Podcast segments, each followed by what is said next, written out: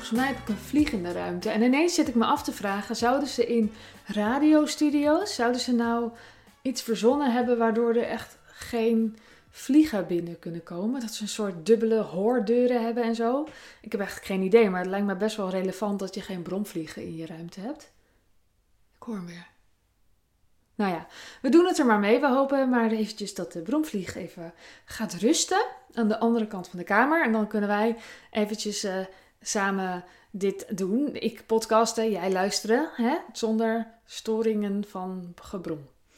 Ik uh, ga het weer eens even hebben over lanceren, omdat ik daar eventjes helemaal vol van ben. Want ik vind lanceren dus heel erg leuk.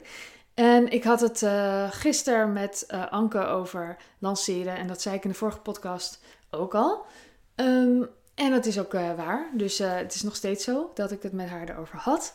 Wat ik het dus leuk vind om het even over te hebben, is dat waar ik het met haar over had, was uh, dat je je lijst heel erg kunt uitputten. Dus je kunt um, lanceren en dan helemaal all-out gaan en dan vervolgens zit je met een uh, lege geroofde mailinglijst bijvoorbeeld.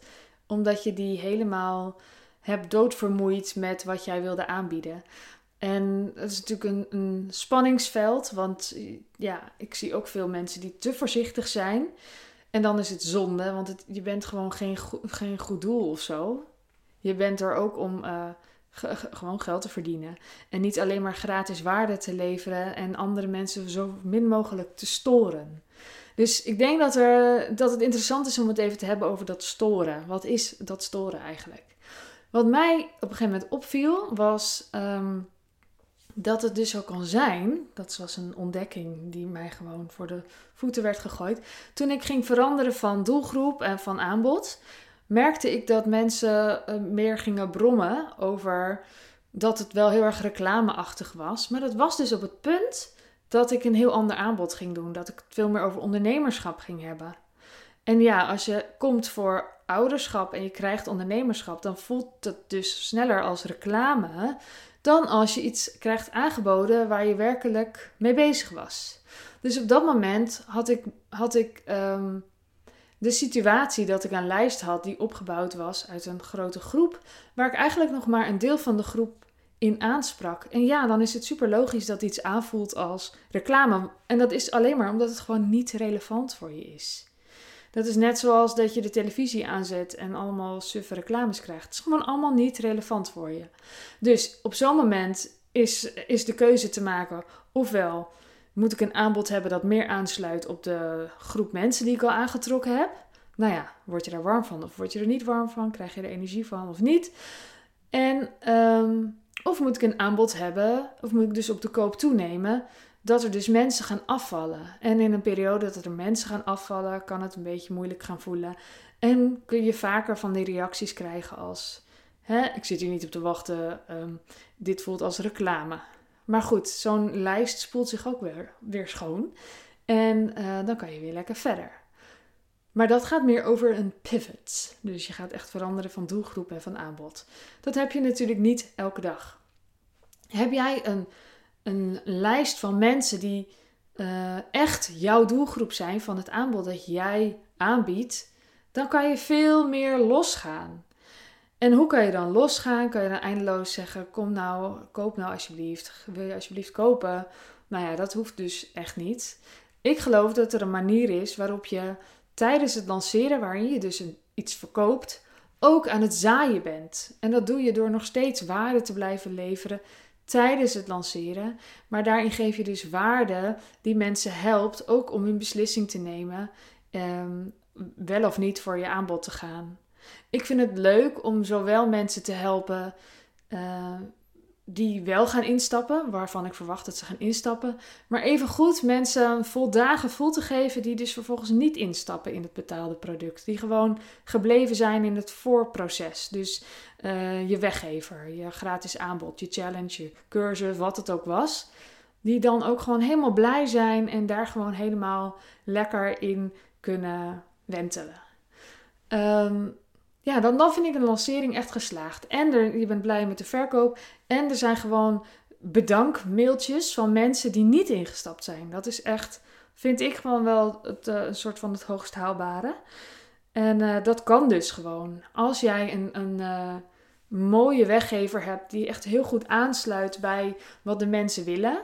Dus wat, wat jouw klant echt nodig heeft. En daarin ga je best wel vol erin.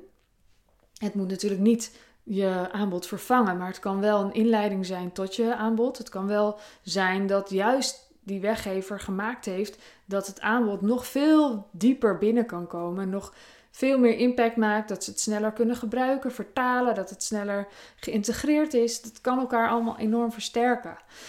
Ehm, dus je kunt enorm zaaien tijdens je lancering. Dan kom je dus niet daarna met een soort van kaal geplukte kip wat je mailinglijst is, wat, er dan aan restanten over zijn. Kom je uit onder de, de geplunderde huizen, of hoe noemen we dat, ingestorte flats vandaan.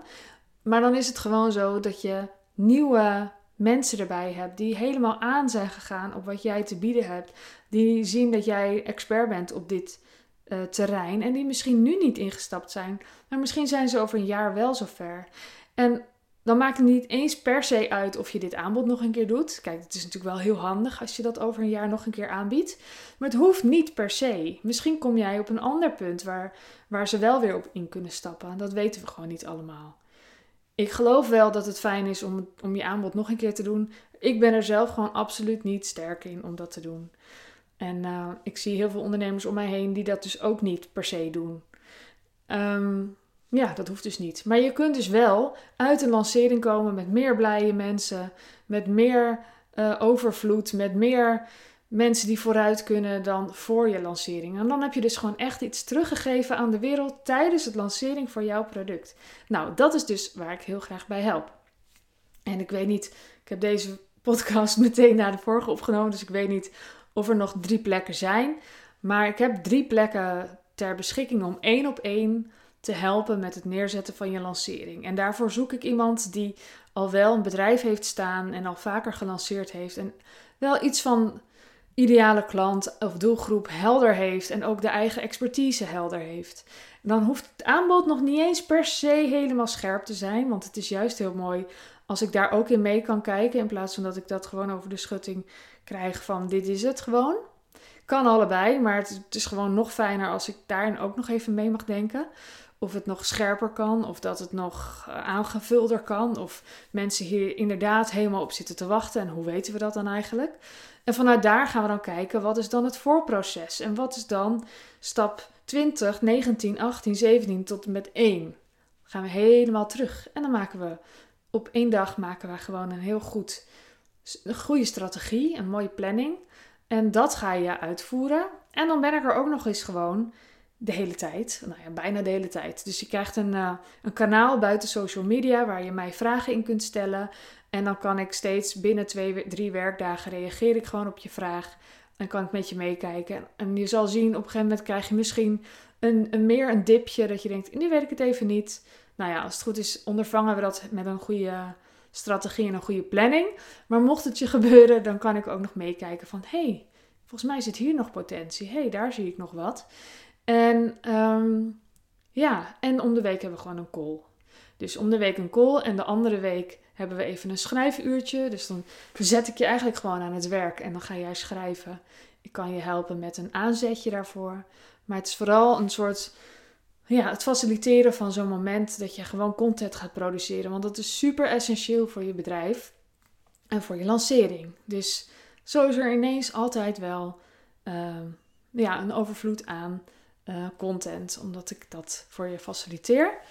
En ik heb er ontzettend veel zin in. En voel jij dit ook? Stuur me een berichtje op @sandyzacht op Instagram. Ik heb namelijk geen salespagina, wel een highlight lanceren. En laat maar wat van je weten. Laat me weten of je interesse hebt in hoofdletters in mijn DM.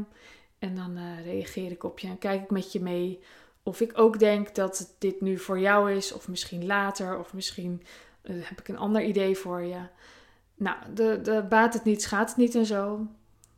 En uh, heb ik al gezegd dat ik er zin in heb? Ja, heb ik.